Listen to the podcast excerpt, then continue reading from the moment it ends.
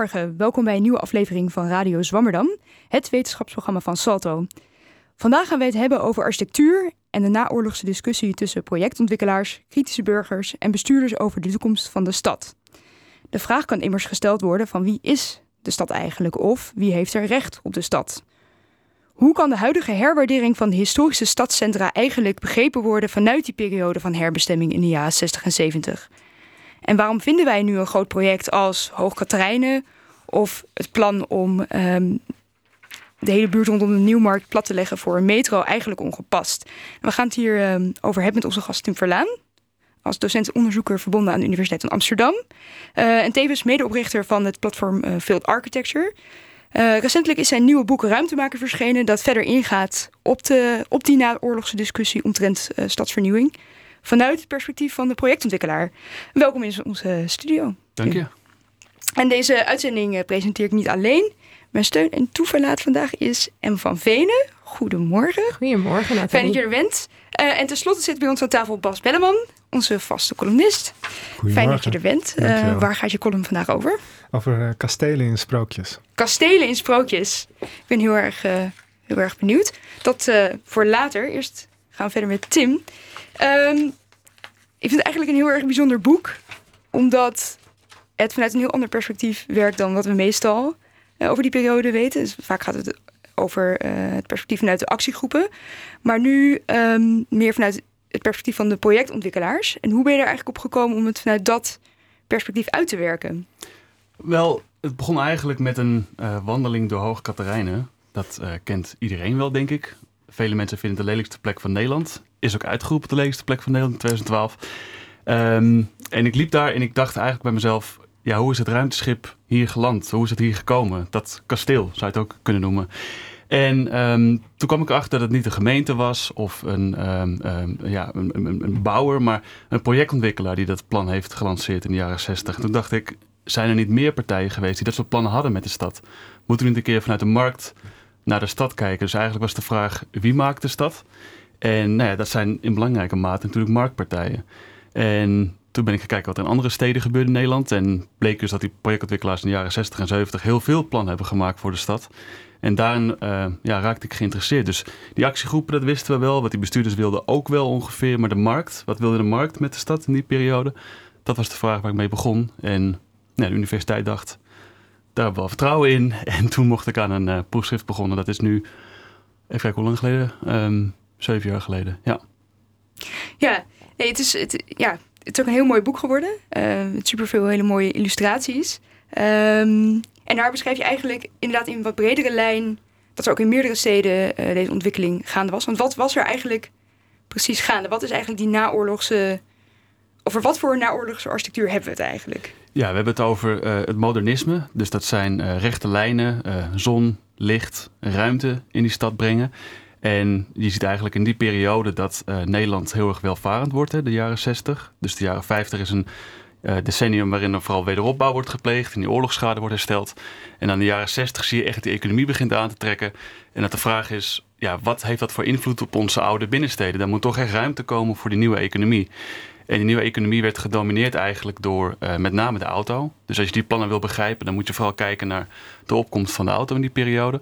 En uh, ja, zoals jullie weten neemt de auto ontzettend veel ruimte in in de stad. En um, je ziet ook dat het aantal auto's in Nederland in die periode, de jaren 60, vervijfvoudigt. En daar moest dus ruimte voor komen in de stad. En um, ja, je hebt die auto, dat is een hele belangrijke ontwikkeling. Opkomst van de dienstverleningseconomie. Dus steeds meer mensen die op kantoor werken. Um, het groot winkelbedrijf dat ook ruimte vraagt in die binnenstad. En die ruimte werd dus gemaakt door uh, projectontwikkelaars. Dat is um, ja, wat er in de jaren 60 aan de hand is. En de jaren 70 komt daar dan uh, weerstand tegen. Even heel korte synopsis van het boek ja, eigenlijk. precies, precies. Want we zien dus inderdaad dat er uh, in eerste instantie eigenlijk bestuurders heel erg meegaan in die, uh, of met die grootste plannen van die projectontwikkelaars. Dat is eigenlijk die projectontwikkelaars heel makkelijk hun gigantische bouwplannen konden verkopen. Mm -hmm. um, wat mij heel erg verbaasde eigenlijk. Zou je er iets meer over kunnen vertellen voor die private, uh, publieke ja. belangen die klaarblijkelijk met elkaar verbonden zijn? Ja, dat kan zeker. Um, kijk, eigenlijk zie je dat die ideeën over de vernieuwing van de stad al in de jaren 20 en 30 bestaan. Dus die liggen al langer op tafel. Dat zijn uh, ideeën van architecten, stedenbouwkundigen. Um, Le Corbusier is een uh, belangrijke naam. En dat die ontwikkelaars um, eigenlijk ook al langer bestonden. Maar dat ze zich in de jaren 60 echt op het commerciële vastgoed gaan richten. Dus uh, ze gaan um, winkels bouwen zonder te weten wie die winkels gaan bestieren. Um, ze gaan kantoren ontwikkelen zonder te weten wie uh, die, die kantoren uiteindelijk gaan huren. Maar die ontwikkelaars die krijgen door dat er nou ja, een ontzettend grote vraag is naar meer gebouwen eigenlijk. En nou ja, daar gaan ze aan voldoen aan die vraag. En dan vraag je, ja, hoe verhoudt zich dat tot de politiek? Je ziet eigenlijk dat die bouwbedrijven um, ja, hele goede contacten hadden met uh, bestuurders al uh, in de jaren 60. Dus dat uh, Bredero bijvoorbeeld, te bedenken van uh, Hoog Katerijnen, een bouwbedrijf was dat in Utrecht gevestigd was en eigenlijk ook al heel goed wist hoe de hazen daar liepen. En dat begint dan heel vaak met een informeel contact. Dus de wethouder kent de directeur van het bouwbedrijf en er wordt een keer gepraat bij een receptie. En die bouwer die presenteert dan een plan en er wordt gezegd: Is dit niet wat u eigenlijk wilt? En ja, dat is wat wij willen, dus werken we samen. En wat met name opvallend is, denk ik, in die periode, is dat um, alle wethouders in de grote steden dus van, PvdA, uh, van de PvdA waren. En dat fascineerde mij ook. Dus dan heb je sociaal-democratische uh, wethouders en die gaan dan in zee met tussen aanhalingstekens, uh, die raskapitalisten, die projectontwikkelaars. En dat fascineerde mij. Waarom willen die dan Exact. samenwerken? Nou ja, eigenlijk is die verklaring heel uh, evident, namelijk dat de overheid niet voor de markt uh, kan bouwen. Dus um, als um, er commercieel vastgoed moet komen, winkels, kantoren, dan kan de overheid er niet aan voorzien. De overheid bouwt misschien uh, woningen met woningbouwcorporaties, maar dat commerciële vastgoed, dat moest echt door de markt worden ontwikkeld. En als het idee is dat um, nou ja, die kantoren en die winkels en die auto's in de binnenstad moeten zitten, dan ben je dus eigenlijk wel op de markt aangewezen om dat te realiseren. En die projectontwikkelaars, ja, dat is een soort nieuwe bedrijfstak in die periode die dan, nou ja, voor het eerst echt um, initiatief gaan nemen. Dus dat zij uh, zeggen van wij hebben een plan en kunnen we het hierover hebben. Maar dat het initiatief dus heel vaak bij de markt uh, lag. En dat zij ook de architecten hadden, de expertise, heel veel kennis die die uh, bestuurders zelf niet in huis hadden. Of hun ambtenaren moet ik zeggen. Dus vooral ook een gebrek uh, aan de bestuurderszijde van kennis en ook kapitaal. Om het zo ja. te zeggen. Dus een kapitaalinjectie die, die die grote bedrijven wel op zich konden nemen. Ja. Precies, ja, want wat je dus ook ziet is dat um, nou, die, die, die wethouders vaak niet over de expertise uh, beschikken, niet over de financiële middelen. En die ontwikkelaars brengen dat eigenlijk uh, allemaal samen. Dus als we het nog even over Bredero hebben, die hadden bij elkaar 30 uh, academici voor zich werken. En dat waren sociaal geografen, was ook een nieuwe discipline in die tijd. En die konden dus echt die marktvraag opsporen. Um, en je ziet ook dat die ontwikkelaars um, nou ja, het kapitaal dus bij elkaar kregen met institutionele beleggers. Uh, Philips Pensioenfonds, het ABP, uh, Algemeen Burgerlijk Pensioenfonds, uh, gaat in vastgoed investeren. En dat vind ik ook heel erg ironisch, dat ik als ambtenaar, want ik ben docent aan de universiteit, ook een heel klein aandeel heb gehad, um, in zekere zin, in die vastgoedontwikkeling. Omdat het ABP natuurlijk zijn geld belegt in, in stenen uiteindelijk. Of deed dat vooral ja, in de jaren zestig. Waarom is dat ironisch?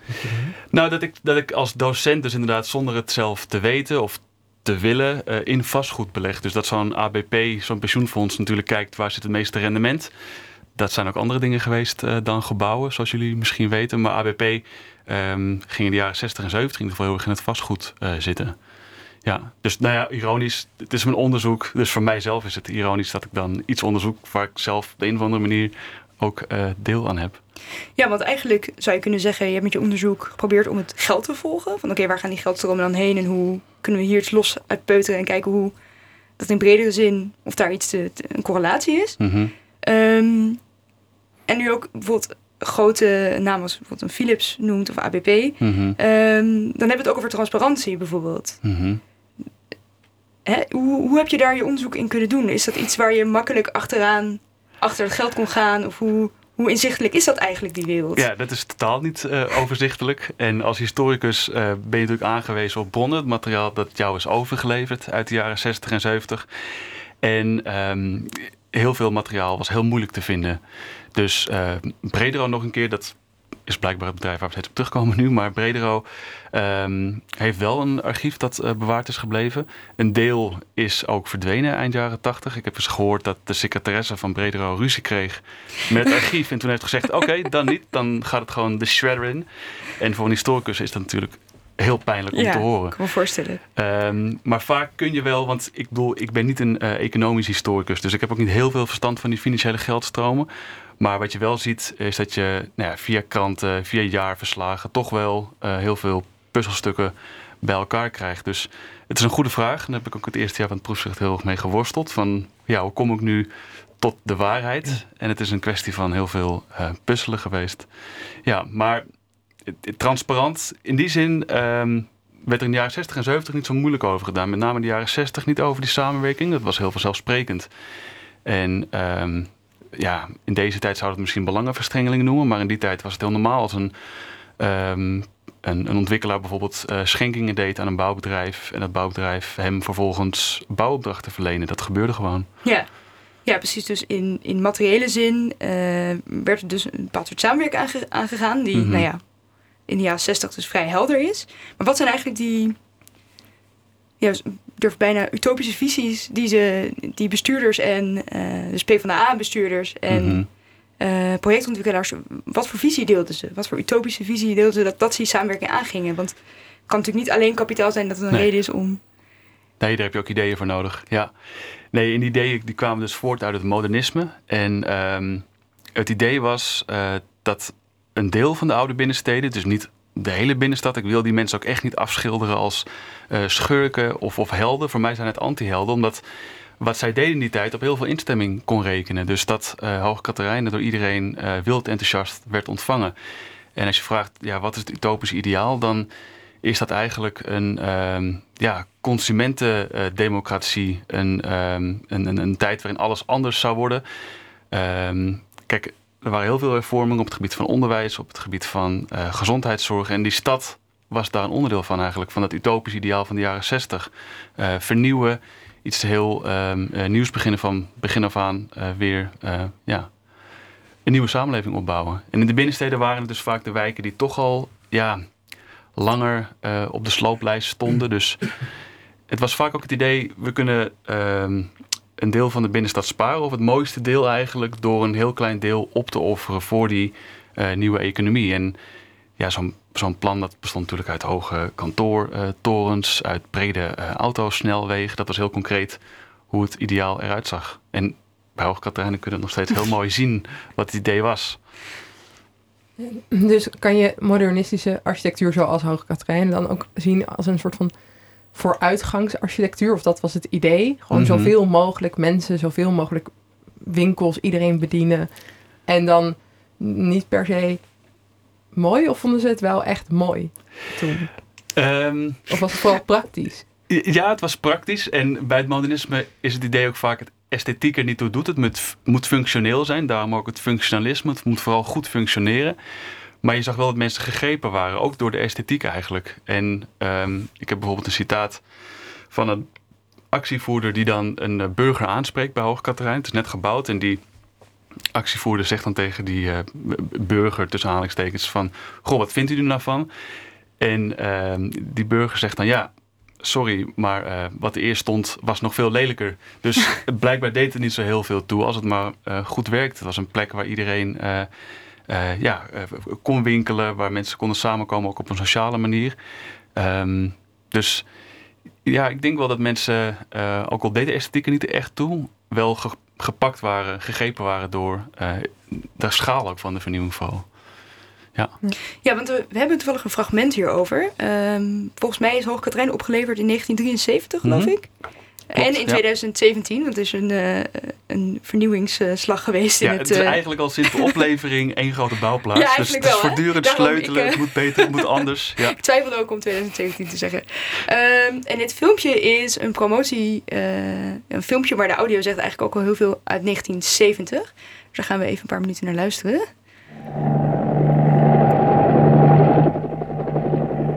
Er zal veel veranderen. Met een op de toekomst gerichte voortvarendheid durft men het aan een gebied van bijna 24,5 hectare tussen het Vredenburg en Kozelaan radicaal te herscheppen. een uniek plan op stedenbouwkundig gebied. Het plan Hoog Katarijn.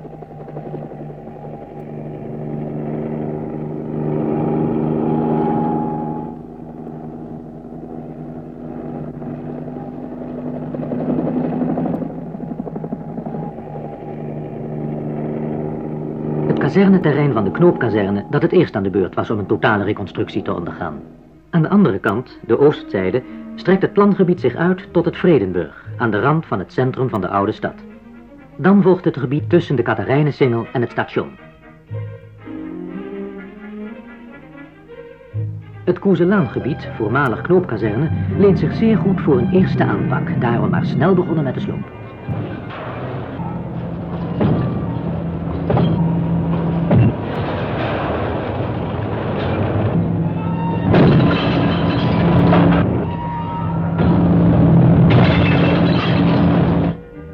De kazerne maakt eerst plaats voor het nieuwe Beatrixgebouw van de jaarbeurs. Het grootste gebouw van Nederland.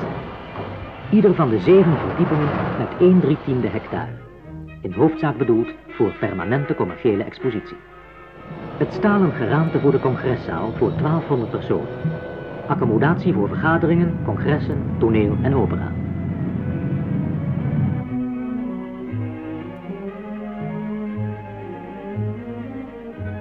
Dankzij de overdekte voetgangerstraverse bevindt zich de voordeur van de jaarbeurs op ieder station in Nederland. Drie comfortabele en efficiënte kantoorgebouwen, plaatsbiedend aan ongeveer 2000 personen. De parkeergarage Jaarbeursplein met ruimte voor meer dan 1000 auto's.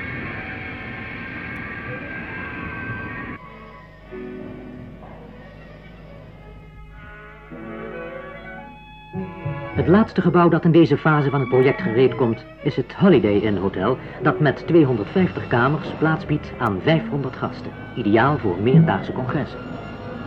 Het autobusstation geeft reizigers van Schiphol en uit de provincie een directe verbinding met het station en de Utrechtse binnenstad.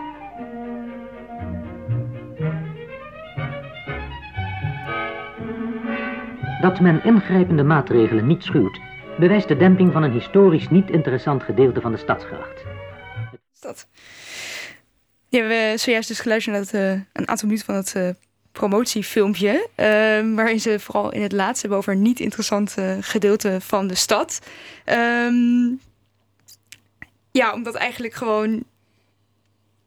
Waar het heel duidelijk dit blijkt. Van we willen gewoon een vernieuwingsslag maken. Dat de oude bende. eigenlijk huizen die slecht onderhouden zijn. Die toch genomineerd zijn voor de sloop. Daar kunnen we wel van af. Mm -hmm. We kunnen gewoon een heel groot complex um, bouwen. Maar op een gegeven moment is er dus een kentering gekomen in dat idee. Van ja. uh, dit, is, uh, hey, dit is goed voor ons om gewoon in het centrum uh, meer ruimte te bieden voor die auto, voor kantoren, voor de jaarbeurs. Mm -hmm. Al die dingen die rondom Utrecht Centraal gevestigd zijn. Zou je iets kunnen vertellen over die kentering? Ja, zeker nee. Om nog even terug te komen op dat historisch niet interessante deel. Ja. Um, dat gaat dan met name over 19e eeuwse architectuur. Dus uh, wat je ziet is dat zelfs monumentenbeschermers in de jaren 60 nog zeggen dat die 19e eeuwse architectuur uh, de moeite niet waard is. Waarom niet? Die is vooral uh, nou, door speculanten gebouwd, eind 19e eeuw. Um, slecht gebouwd ook. Um, ja, heel veel neo-stijlen. Het was geen authentieke architectuur. Dus zelfs die beschermers, die monumentenbeschermers, zeiden dat kunnen we afschrijven. Dus bij die vernieuwingen ging het vaak om 19e eeuwse architectuur.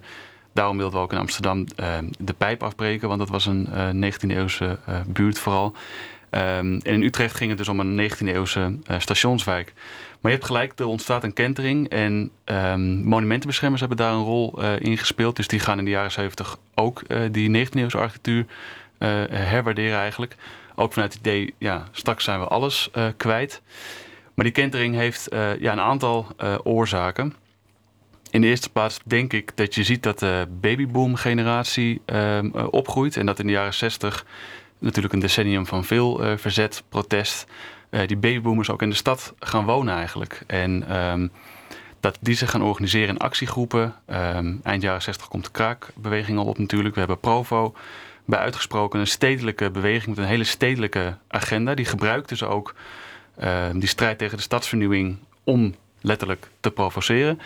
En um, die babyboom generatie, als je naar de cijfers kijkt ook, je ziet dat Amsterdam om maar even een voorbeeld te noemen, ontzettend verjongd. Dus in 1960 uh, wonen er nog, uh, of in de binnenstad woonden uh, 30% jongeren, mensen tussen de 20 en 39. In 1980 zijn het er 50%. Um, je ziet dat het aantal studenten aan de universiteit verdubbelt. En die universiteiten zitten in de binnenstad. Tegelijkertijd komen de sociale wetenschappen op. En dat is eigenlijk ja, um, een voedingsbodem voor het verzet. Dus die jonge generatie die is belangrijk. En die vind je terug in de sociale wetenschappen, in de architectuur, in de stedenbouw. Die zich gaat verzetten. En ook buurtbewoners, uh, oudere buurtbewoners, die eigenlijk pas op het moment dat de sloop nadert doorkrijgen van we moeten in verzet komen. We moeten hier iets uh, tegen doen. Um, en ja, ook in brede verband zie je meer een milieubewustzijn ontstaan. Dus die auto die uh, komt eigenlijk in de verdomhoek. Ja, en vooral ook het idee dat het niet democratisch is wat er gebeurt. Dus dat die ontwikkelaars en die bestuurders um, ja, iets besluiten waar de burger niet heel veel over te zeggen heeft. En het gaat om hun uh, stad, om hun uh, woonomgeving. En dat wordt heel duidelijk uh, gearticuleerd in die periode. Dat de stad iets moet zijn om te wonen, vooral een plek. En dat ontstaat dus ongeveer rond 1970, dat idee, dat verzet. En dat gaat eigenlijk in alle westerse steden gelijk op. Dus Berlijn, New York, Amsterdam. overal zie je rond 1970 dat burgers echt in verzet gaan komen en hun recht op de stad uh, opeisen. Ja, want we hebben het net gehad over een meer uh, utopische visie van bestuurders en uh, projectontwikkelaars. Wat, wat zou dan die utopische visie zijn van de kritische burger, om zo maar even, of actiegroepen? Ja, Is dat... nou die actiegroepen zijn, dat was ook iets dat ik in het proefschrift wilde rechtzetten, vaak afgeschilderd als um, ja, romantici en um, ja, mensen die vast wilden houden aan het verleden. Alleen als je dan kijkt naar hoe de pers over die actiegroepen schrijft, dan is het eigenlijk ja, heel erg iets revolutionairs. Dus die steden vernieuwen, dat wilden we al heel lang. Uh, dat wilden we al 20, 30 jaar lang. Dus dat was zeg maar de ja, oorspronkelijke uh, moderniteit, zou je kunnen zeggen. En die actiegroepen die komen met een heel uh, concreet uh, alternatief. En die gaan ook allerlei nieuwe termen introduceren als het over die stad gaat. Dus ehm, herbergzaamheid is een term die pas in de jaren 60 ontstond. er wordt gesproken over sfeer en de typisch Nederlandse gezelligheid als het om steden gaat. Um, eigenlijk zie je dat pas in de jaren 60 ontstaan. Dus vanuit het idee we verliezen iets, komt er een uh, alternatief. En het utopische ideaal van die uh, burgers uh, heeft vooral met wonen te maken. Dat de stad voor iedereen toegankelijk is, voor alle rangen en standen. niet alleen de consument, de automobilist en de zakenman of vrouw. Nou ja, het waren mm -hmm. vooral ja. mannen in de jaren 60. Ik heb geen enkele vrouw gezien op de illustratie nee, dat, van de uh, projectontwikkelaars. Dat vind ik ook inderdaad uh, erg pijnlijk. Maar als je het hebt over het um, verzet, dan werd verzet um, in New York in ieder geval geleid door één vrouw, Jane Jacobs. En zij is heel belangrijk geweest voor het denken over de stad. Want zij liet voor het eerst zien dat um, ja, je ook vanuit je eigen gevoel, vanuit je emoties over die stad kan schrijven. Dat je geen expert hoeft te zijn. En haar idee is heel belangrijk geweest voor die nieuwe architecten, die nieuwe generatie architecten eigenlijk. Dus um, ja, het is een stad die voor alle rangen en standen is. En een stad die uh, functioneel uh, gemengd is, sociaal um, gemengd is. Dus het moet niet alleen maar um, ja, voor de uh, welgestelden zijn een plek om te wonen. Of om te werken of te consumeren. Maar ook voor ja, de burger die het wat minder goed heeft. En daar is ook uh, ruimte voor, letterlijk. Want je ziet dat uh, steden in die periode leeglopen. Dus dat de middenklasse de stad eigenlijk verlaat. Die gaat in de buitengebieden wonen. Amsterdam verliest 10.000 inwoners per jaar rond 1970. Nou ja, deze tijd zijn er 10.000 inwoners per jaar erbij. Yeah. Maar omdat die, die middenklasse wegtrekt, ontstaat er juist ruimte voor dit soort uh, ja, sociaal-culturele alternatieven. Ja, want we hebben net gehad over de esthetiek, zouden we, zoiets kunnen we noemen van Hoogkaterijnen. Mm -hmm. Oké, dat is dus vooral de functionaliteit die voorop staat. Um, terwijl ook zouden kunnen zeggen van, nou ja, het is een kolos in de, in de stad. Hè? Er is niet echt een soort, we, we verliezen eigenlijk een soort thuisgevoel. Is dat iets wat ook bij die kentering past? Het idee van, het is te, te groot, het, het mist de menselijke maat. Het mist, zeg maar, dat thuisgevoel wat een stad kan, kan herbergen? Ja, nou, je gebruikt het woord herbergen ja, weer inderdaad. Ik, ja, ja, zeker. Ik uh, hoop dat het beklijft. Want uh, dat is met name ook een architect geweest, Herman Hertzberger. Dat was een jongere architect. Die heeft toen het muziekcentrum in Utrecht uh, ontworpen. Dat was een antwoord op Hoog Katerijnen. En dat was eigenlijk bedoeld ook als een brug tussen nou, die kolos, zoals je het noemt, en de oude binnenstad. En dat was meer een ja, structuralistische architectuur, zoals het heet. En dat je veel plekken waar je ja, kon hangen letterlijk. Dat was het idee, dat je daar vooral kon verblijven ehm, en mensen kon ontmoeten. En ehm, dat was ook een soort thuisgevoel creëren inderdaad. Dus het modernisme dat werd als vervreemdend ervaren. Dat paste niet bij die oude historische uh, Nederlandse binnensteden. Die waren toch ook in vergelijking met het buitenland uh, vrij uh, opeengepakt. En historisch best wel waardevol. Dus veel middeleeuwse architectuur, 17e-eeuwse architectuur. En dat was juist de architectuur die wel de moeite van het bewaren waard was. Dus dat, dat thuisgevoel ja, raak je kwijt als je daar een hoog Katerijnen bouwt. Wat in principe in de jaren 60 in elke stad ter wereld kon worden gebouwd. Ja, precies. Een inwisselbaarheid van, van de stad krijg je daarmee. Ja. Verlies je het thuisgevoel. Dat was het argument van de actievoerders toen in ieder geval. Ja. Ik daarmee eens ben is iets anders, maar... Ja, want zou je zeggen dat Hoog Katrijnen um, gelukt is? Als je het zeg maar, eh, op zo'n manier over gebouwen kunt, kunt spreken? Ja, ja. Hoog is een doorslaand succes. ja. Um, waarom? Vanuit economisch uh, perspectief... Uh, loopt het als een trein. Dat is een beetje flauw, maar het idee was natuurlijk dat je als je vanaf de uh, trein naar de binnenstad wil, je wel door dat winkelcentrum heen moet. Dus je wordt bijna gedwongen om te consumeren. Links en rechts winkels. En je ontkomt er bijna niet aan. Waardoor je dus ziet dat Hoogkaterijn nog steeds ja, de hoogste winkelomzetten van Nederland heeft. Dus vanuit economisch perspectief werkt het. Um, ook in die zin dat Utrecht in die tijd, in de jaren 60, een provinciestad was. Dat vonden Utrechters zelf ook. Van ja, wij tellen eigenlijk niet meest vergelijk met Den Haag, Rotterdam en Amsterdam. En met het Hoge Katerijnen uh, zetten we onszelf op de kaart. Dus ik denk wel dat het heel belangrijk is geweest voor Utrecht. En ik denk ook dat de historische binnenstad, met die oude gracht en alles, um, bewaard is gebleven, gaaf is gebleven. Juist omdat al die kantoren, winkels en auto's in het Hoge Katerijnen werden uh, geconcentreerd. Vanuit sociaal perspectief ja, kun je zeggen dat het een plek is waar heel veel mensen nog steeds uh, graag samenkomen. Ik weet bijvoorbeeld dat um, uh, moslima's die in het weekend uh, niet mogen uitgaan vaak Hoogkaterijnen gebruiken ook als plek om nou ja, jongens te kijken en te flirten. En op die manier zou je kunnen zeggen dat het een verblijfplek is geworden. En natuurlijk zijn er heel veel mensen die erop neerkijken, die het verschrikkelijk vinden, die er liever niet komen. Uh, maar daar is ook plek voor in de stad. Dus dat Hoogkaterijn is heel fijn voor mensen in Soest en Baarn die dan een dag uh, willen winkelen. Ja, precies. In, principe is er helemaal niet zo'n groot verschil tussen het idee van, uh, van Hertzberger en het muziekcentrum en te hangen en, en Hoogkaterijnen misschien. Ja, nou ja, dus Hertzberger wilde meer die culturele context. Dus die wilde inderdaad voorzien in die ja, avant-garde die in de stad ging wonen. de, de nieuwe stedelijke middenklasse, zoals dat heet.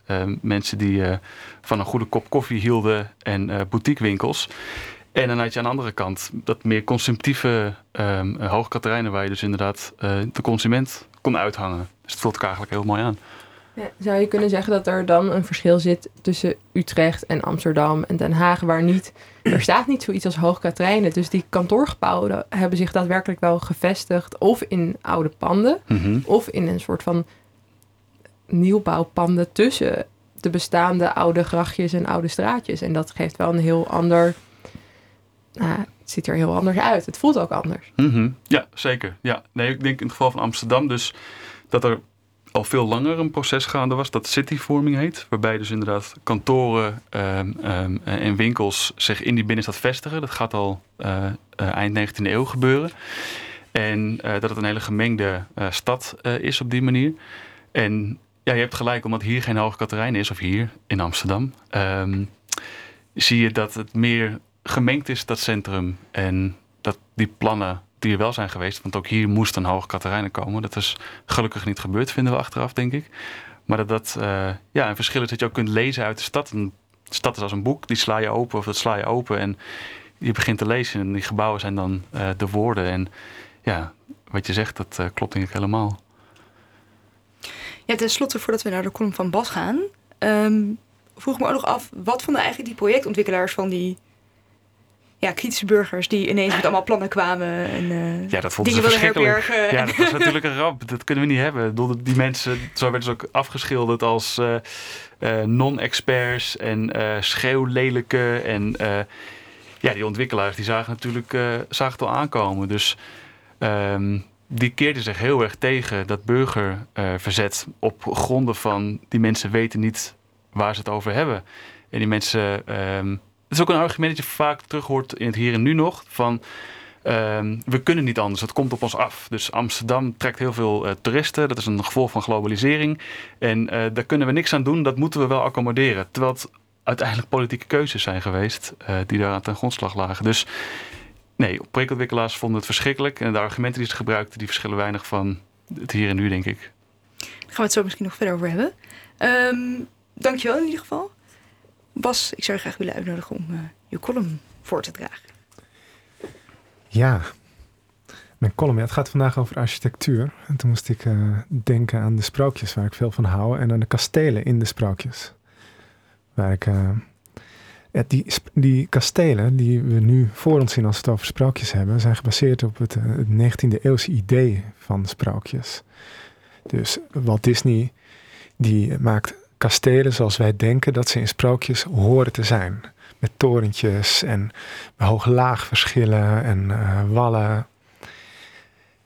En uh, dat komt omdat hij in de 19e eeuw op die sprookjes werd neergekeken. Dus die sprookjes, dat was een, uh, waren vertellingen van het volk. Die waren naar overtuiging van de onderzoekers ook ontstaan. En niet geschreven door grote kunstenaars, maar gegroeid zoals nou, de diersoorten zijn ontstaan. Maar ja, toen die sprookjes werden bedacht, was dat anders. Die sprookjes werden bedacht door mensen die misschien niet konden schrijven, maar wel grote kunstenaars waren. Sprookjes die we nog steeds kennen, verhalen die we nog steeds kennen. En die kastelen toen waren niet sprookjesachtig, dat is pas achteraf gekomen. Die kastelen toen waren een onderdeel van het verhaal. En dat is wel interessant, want die kastelen in die verhalen, die functioneren anders dan wij nu zouden denken. Niet als uh, signifier van het sprookje, maar als weerspiegeling van de psychologie in dat sprookje. En daar zijn een heleboel voorbeelden van. Als je alleen al denkt aan het kasteel van Blauwbaard, bijvoorbeeld. Blauwbaard, het sprookje van de man die zijn vrouw vermoordt, alleen niemand kan het aantonen. En zijn nieuwe vrouw, die wordt alleen gelaten in dat kasteel, die mag overal komen, behalve in de kelder. Dan hebben we dus een kasteel met een heleboel zalen en een heleboel kamers. Heeft een sleutelbos met een heleboel sleutels. En dan een wenteltrap naar beneden, tenminste zo stel ik me dat voor. Met ergens één kamer waar ze dan die vrouwen ontdekt. Dat is natuurlijk Blauwbaard zelf. Je hoeft geen groot psychoanalyticus te zijn om dat te zien. Dat wist die schrijver natuurlijk ook. En zo zijn er meer sprookjes. Het, het sprookje van Door en Roosje vind ik daar een heel mooi voorbeeld van. En gek genoeg wordt het helemaal nooit zo gelezen. Maar wat er gebeurt in Door en Roosje is heel fascinerend. Er is, een, eh, er is een koning die wil eigenlijk een opvolging van zijn dynastie. Maar ja, ze kunnen geen kinderen krijgen. Dan krijgen ze toch een kind, dat is Door een Roosje. En dan is natuurlijk de vraag, zal die wel kinderen krijgen? Dus dat, dat vindt die koning eng. Zal dat wel lukken? Maar wat gebeurt er? Precies in de tijd dat ze vruchtbaar wordt en een man moet gaan zoeken, valt ze in slaap. En dat sprookje maakt een wonderlijke omslag. Dat kasteel wordt opeens haar lichaam. Dus dat hele kasteel valt in slaap. En om dat kasteel heen groeit een uh, doornhaag als een soort stug karakter waar je niet doorheen kunt. En het duurt dus heel lang voordat er een man komt die door dat karakter heen kan. Het is niet helemaal mijn moraal hoor in deze MeToo uh, tijden. Maar hij beukt er eigenlijk doorheen, door dat stugge karakter. Ik zal even mijn versie ervan voorlezen, want ik heb namelijk die sprookjes uh, opnieuw verteld. Uh, in lyrische poëzie. En mijn versie gaat als volgt. Hij komt door die rozenstruiken heen. ze schrikken omdat hij ze kapot slaat. Ze wijken en ze laten hem door. Dan komt hij bij het hoornroosje. Daar ligt de prinses, verstrikt in dromen. Ik kwam van ver, dwars door de rozen. Ik heb de doornen weer staan en ze slaapt door me heen. O, die lome borsten, schaamteloos verspild, alsof geen man haar iets kan schelen. Ze weet niet wat haar lichaam voorspelt, zelfs haar adem slaapt. Geen ja, geen nee. Daagt ze me uit als een veld met ongerepte sneeuw? Kille prinses, maak me niet boos. Slaperig meisje, wek niet mijn woede. Moet ik soms mijn eigen lichaam verspillen? Wat zeggen je lippen? Met het geweld van een kus breekt hij haar slaap. Ze opent haar ogen, eerst verdrietig, dan verbaasd. Alles en iedereen in haar kasteel ontwaakt. En dit is mijn versie, maar het komt eruit. Dat is wat er gebeurt in dat sprookje. En zo in al die sprookjes is de architectuur dus eigenlijk een weerspiegeling van de psychologie, van het karakter. En daarin verschillen mensen helemaal niet zoveel van het verleden. Dat kunnen we nog steeds herkennen. En naar mijn overtuiging, toen moest ik erover naast dat te denken, is dat natuurlijk nog steeds zo als we nu grote projecten ontwikkelen. Ik hoor je net over Hoog Katerijnen vertellen dat het modern moest zijn. Dat was natuurlijk ook de tijd waarin ons zelfbeeld veranderde tot progressieve mensen die meerdaagse congressen gingen houden en uh, modern waren en de toekomst tegemoet liepen. Dat is dus nog steeds zo. Die sprookjesvertellers deden iets met gebouwen wat we nu nog steeds doen. Dankjewel Bas. Graag mooie column. Uh, Tim, kan je, herken je er enigszins in, in de, de psyche in relatie tot, tot, tot, het materiaal van, uh, ja. stenen? Nou ja, op, op twee manieren. Dus uh, wat architecten en stedenbouwkundigen heel vaak doen, is de stad vergelijken met een lichaam. Dus de parken zijn de longen, het centrum is het hart, de wegen zijn de bloedvaten. En dat deden ze vooral ook om uh, bij een brede publiek de indruk te wekken dat ze chirurgen waren. Dus dat de stad iets was dat je uh, ja, echt medisch uh, te lijf kon gaan, waar je kon opereren. Dat is één manier. En het andere, je begon natuurlijk met Disney. En dat kopieerde dan kastelen. Maar ze kopieerden ook Main Street USA in de jaren 60. in ieder geval Disneyland. En dat gebeurde dus in de tijd dat die Amerikaanse steden helemaal uit elkaar werden gerukt door de auto en door mensen die naar de suburbs verhuisden. En wat deed Disney? Die creëerde eigenlijk zo'n ja, Main Street idee, zoals Amerikaanse steden er ooit uitzagen. Mhm. En dat is extreem succesvol, want dat gaf Amerikanen inderdaad uh, ja, een, een, een, een thuis, een, een verlangen weer van, oh ja, zo was het eigenlijk. En we wonen nu wel in een suburb en we hebben een auto, maar eigenlijk was dat Main Street USA uh, en met Main Street bedoel je gewoon, er is één straat waar het hele dorp omheen is gebouwd. Zoals bij Lucky Luke. Dat je de saloon aan de ene kant en de kerk aan de andere kant. Precies, ja. Ja, is een typisch Amerikaanse stad zoals die was voor de opkomst uh, voor de auto eigenlijk, ja. Dus dat, al die themaparken hebben dat nu. Die kopieën altijd een soort van ja, archaïs, uh, ja, bucolisch beeld bijna van die uh, oude stad. Met zo'n Main Street waar de bakker, de slager en iedereen thuis ja, was. Wat me altijd opvalt bij dat soort, bij dat soort interpretaties, vooral die Disney-achtige interpretaties van het verleden, is alsof het andere mensen waren. Bijvoorbeeld heel gelukkig in die tijd. Uh, weet je, dat was natuurlijk ook niet zo. Die, waren ook, die hadden het ook moeilijk. Misschien nog wel moeilijker dan wij. Maar die, die architectuur lijkt altijd daarop gespinst. Als je een bakkerij ziet, een oude bakkerij. Nou joh, die, ruikt de geur. Het moet een, een weelde zijn geweest daar in die oude bakkerij. Mm -hmm. En ja, dat, die vertedering, dat, dat neemt het verleden niet helemaal serieus. En vooral bij sprookjes eh, stoort me dat. Om, kijk, sprookjes hebben geen auteur, dus ook geen brandpunt van bewondering. En Shakespeare, die kunnen we bewonderen. Of Ovidius, dan weten we wie het was. En hoe goed hij was. Maar bij sprookjes weten we dat niet. Die zijn doorverteld. En daardoor is het dus heel makkelijk om te denken van... oh, wat leuk hè, dat die mensen dat allemaal vertelden. Mijn vader vertelde vroeger ook sprookjes. Mhm. En, dat, dat, uh, vind ik altijd jammer, omdat ze zo mooi zijn. Ja, ja. en het is ook utopieën natuurlijk. Um, ja, net zozeer als dat het modernisme uh, heel veel utopisch in zich had, hebben die sprookjes dat ook. Er wordt een verdraaide uh, waarheid verteld of er wordt iets voorgesteld dat nooit zo zou kunnen zijn. Die streeft ergens naar, maar je bereikt het nooit. Wat volgens mij in Utopia vaak besloten ja. zit ook.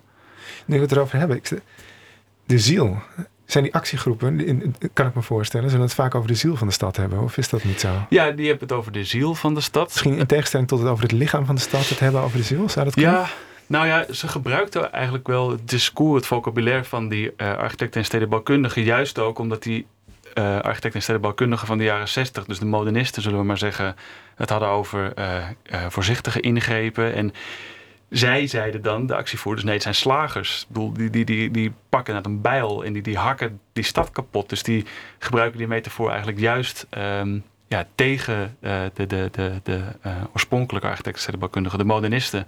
Dus ik denk niet dat ze uh, heel veel met de geest bezig waren, maar ze gebruikten wel dezelfde beeldspraak, omdat het gewoon goed werkt. Als je dat aan mensen uitlegt, dat een stad wordt vermoord Ehm, ja, dat komt beter aan dan wanneer je zegt, ja, ze, maken de stad een beetje kapot. Het gaat inderdaad over het thuis van mensen, dat wordt uh, verwoest.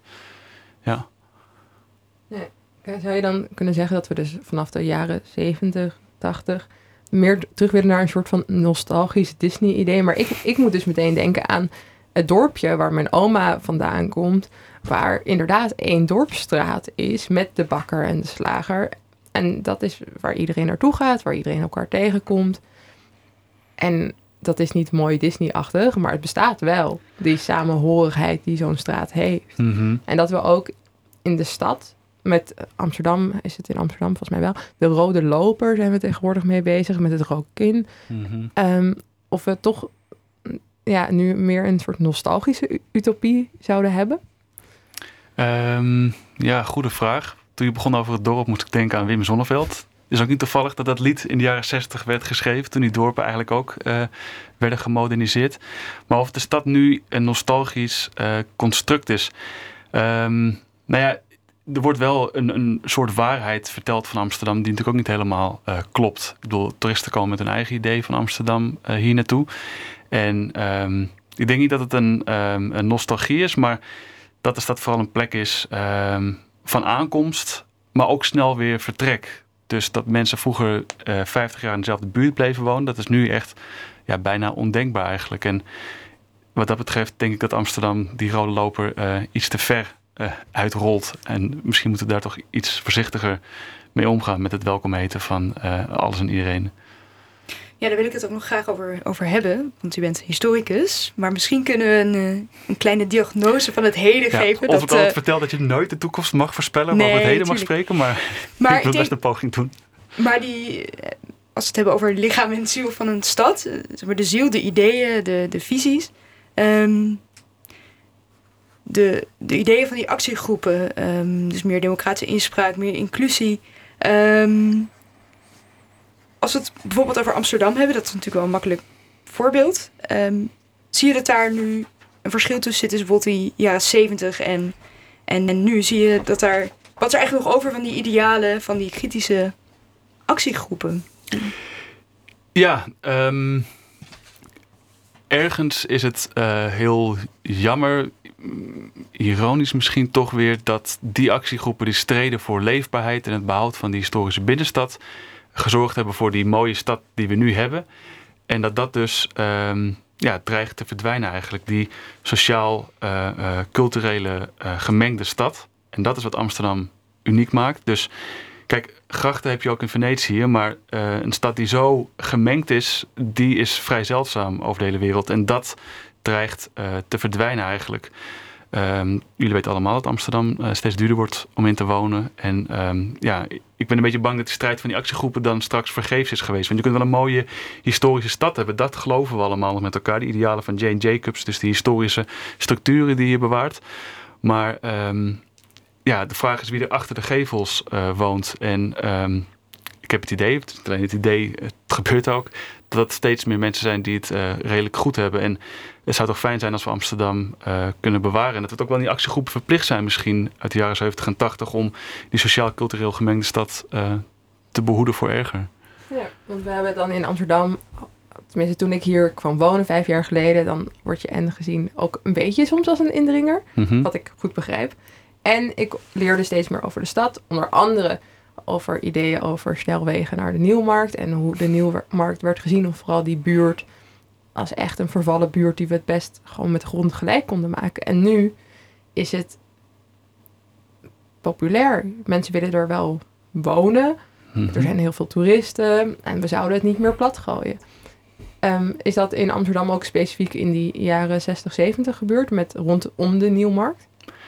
Je bedoelt het verzet en Verzet en een soort van de herwaardering van ehm, die architectuur, maar ook van het soort van.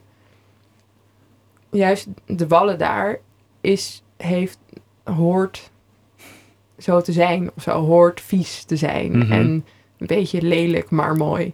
Dat hoort bij de identiteit van die wijk. ja. En dat vinden we niet meer vervelend. Dat vinden Nee. we juist, daar verkopen we het mee. Of zo. Ja, ja, ja, precies. Ja, dat pittoreske, dat komt eh, dan op. Ik denk wel eens bij mezelf, hadden we niet meer moeten slopen, zodat het, die stad wat minder populair was.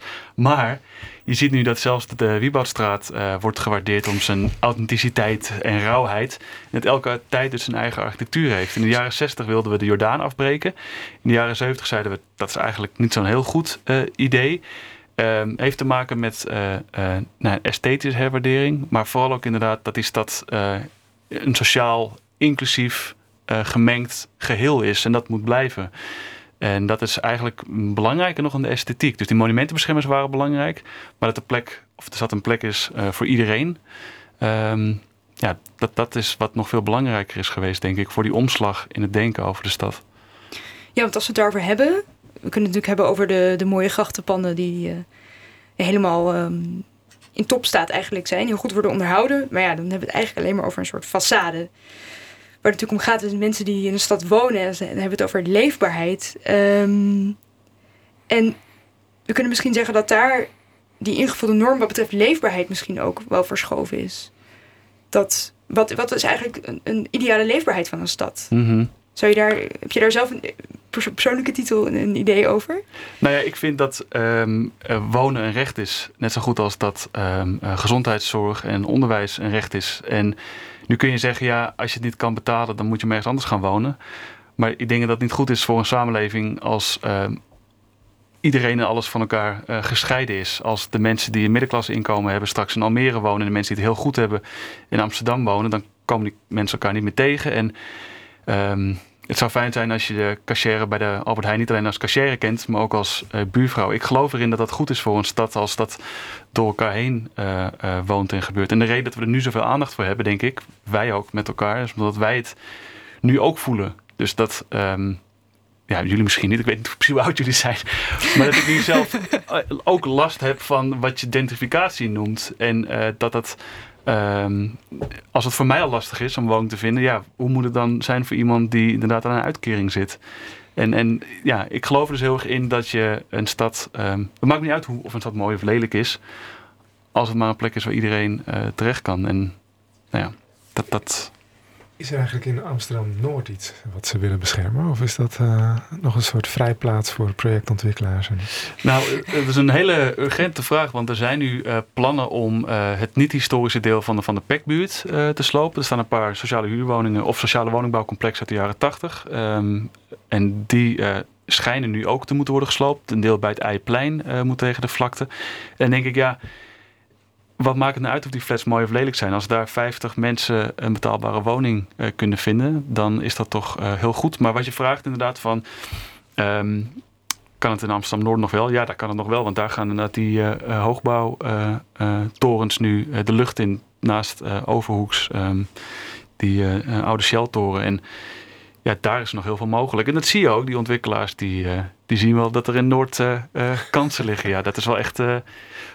daar zijn de huur nog relatief uh, laag en uh, zijn de vastgoedprijzen relatief laag. Dus kun je de grootste sprong maken met uh, nieuwbouw qua prijzen. Ja, dat geldt zeker ook. Ik woon zelf in het Amstelkwartier, wat zo'n hele ja, nieuwe wijk is, ja. die soort van niet, nog niet bestaat. Nee. Um, en je ziet het daar, het, ik woon daar nu drie jaar. En uh, mijn gebouw behoorde tot de eerste wat opgeleverd wordt. En dan woon je dus in een wijk wat geheel bestaat uit nieuwbouw. En ik moet zeggen dat het een heel fascinerende ervaring is. En dat ik me ook wel eens afvraag, wie komen hier dan wonen? Naast het Bel, Bel, uh, ba Belmer Bias kwartier, maar dat wordt nu ook, dat wordt ook een, krijgt een andere branding. Ja, uh, dat andere... branding. Het is begonnen met het Hallenkwartier hier in Amsterdam. En je hebt nu ook het Paleiskwartier. De UvA wil nu het Universiteitskwartier creëren. Dus die kwartieren, dat is een... Academisch kwartiertje bedoel ja, precies. dat is een hele goede... Ja. ja. Nee, maar, de, reden dat ze het dus doen, het is niet het academisch kwartiertje, dat is leuk voor Nederlandse studenten, maar dat het makkelijker vertaalbaar is naar het Engels. Dus je kunt het hebben over een quarter. En als je het hebt over een campus, dat is moeilijker uh, naar het Engels te vertalen. Of in ieder geval heeft een andere betekenis. Dus ook de universiteit gaat zich meer op die internationale uh, studenten richten. Maar dat gedoe met die kwartieren, dat komt ook echt... Nou, ik zal het netjes houden. Maar nee, dat, dat, is allemaal branding inderdaad. Ja, allemaal manieren van ontwikkelaars om een buurt identiteit te geven. Een buurt die nog niet bestaat, zoals het Amstelkwartier. Ja, want we hebben nu toevallig over het Hallenkwartier, als we toch over lokale voorbeelden gaan hebben. Maar dan, en eigenlijk uh, is de insteek ook van uh, deze uitzending om erachter te komen, hè, wie heeft eigenlijk recht op de stad? Er is toevallig ook een actiegroep in, uh, rondom het Hallenkwartier die actief was, die ook recht op stad heette. Um, die zich ook expliciet zo, zo profileerde. Um, en waar eigenlijk de tegenluiden op dit moment heel erg over gaan, is dat mensen niet serieus worden genomen bij inspraakavonden. Dus ook het project bij Noord, waar het net over had, we Laan Weg, mm -hmm. is ook inderdaad er wel formeel gezien dus inspraakavonden worden gehouden. Daar komen dus boze uh, Noorderlingen naartoe. Uh, maar eigenlijk zijn bijvoorbeeld contracten al getekend. Dat, dat is. Um, tenminste wat ik lees in de krant, ik weet niet of dat in bredere zin ook vaker voorkomt. eh, om zeg maar actiegroepen te, te omzeilen door gewoon eigenlijk het allemaal geregeld te hebben. En dan eventueel, als het echt allemaal niet meer lukt, terug te kunnen draaien. Dat idee krijg ik heel erg. Ja, nou ja, ik denk dus eh, dat er een soort eh, verhaal is nu van eh, er is geen alternatief. En de- manier waarop nu wordt aangekeken tegen de middenklasse, die, de betere middenklasse ook, die in de stad wil wonen. En eh, als je dat dan vergelijkt met bijvoorbeeld de opkomst van de auto, dan werd er toen gezegd, ja, die auto die komt op ons af, we moeten wel sloop, het kan niet anders. En nu wordt er ook gezegd, ja, ja goed, mensen willen nu eenmaal in de stad wonen, ja, daar moeten we dan in voorzien. En die mensen die verdienen net iets meer dan de mensen die hier al wonen. Dus eh, ja, eh, kunnen we niet anders? En dat is natuurlijk niet helemaal waar, dat, dat het niet anders kan. Het gaat om politieke keuzes. En ja, gelukkig komen de gemeenteraadsverkiezingen eraan. Ik hoop dat die wat verschil kunnen maken als ik nu wat mag indoctrineren op de radio. mag eigenlijk niet als eh, universitair docent. Dat, eh, nou ja. Ja, is, is dat zo? Mag dat niet van de universiteit? Nee, nee, nee, dat is links indoctrinatie. Ah. Ja, nee, er is toch een hele hetze tegen eh, docenten die te links zouden zijn. En rechtse studenten geen ruimte geven in de klaslokalen. Ze krijgen mij alle ruimte hoor, maar dat is nu het verhaal. Ja, dus wel het uitwerken van wat je zegt. Ja, Maar ik heb geen zo, het is een- persoonlijke titel. Dus, eh, dus wat dat betreft ehm, maakt het, zou dat niet uit moeten maken, toch? Nee. Ehm, maar dus om even terug te komen, dit is een bepaald soort proces van... er wordt gepresenteerd alsof het een onver- onvermijdelijk proces is. Zowel toen ze Katrijn wilden gaan bouwen van... oké, nou die auto's die moeten een plek hebben.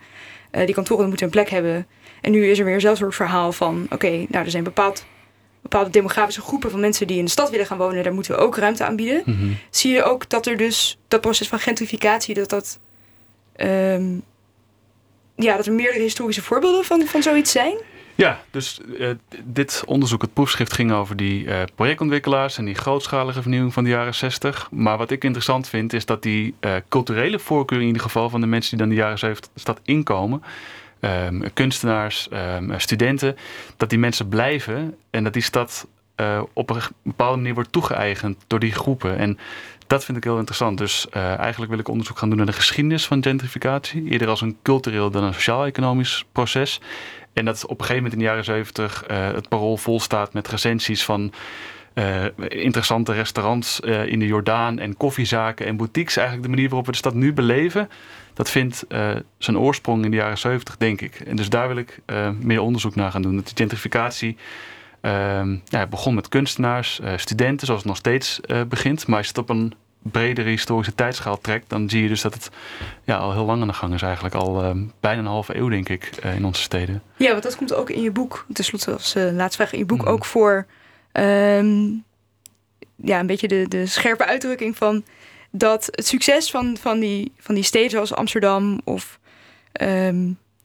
ja, die, die historische stadscentra, dat die ten dele toe te schrijven zijn aan, die, aan de eh, gevolgen van eh, die radicale actiegroepen.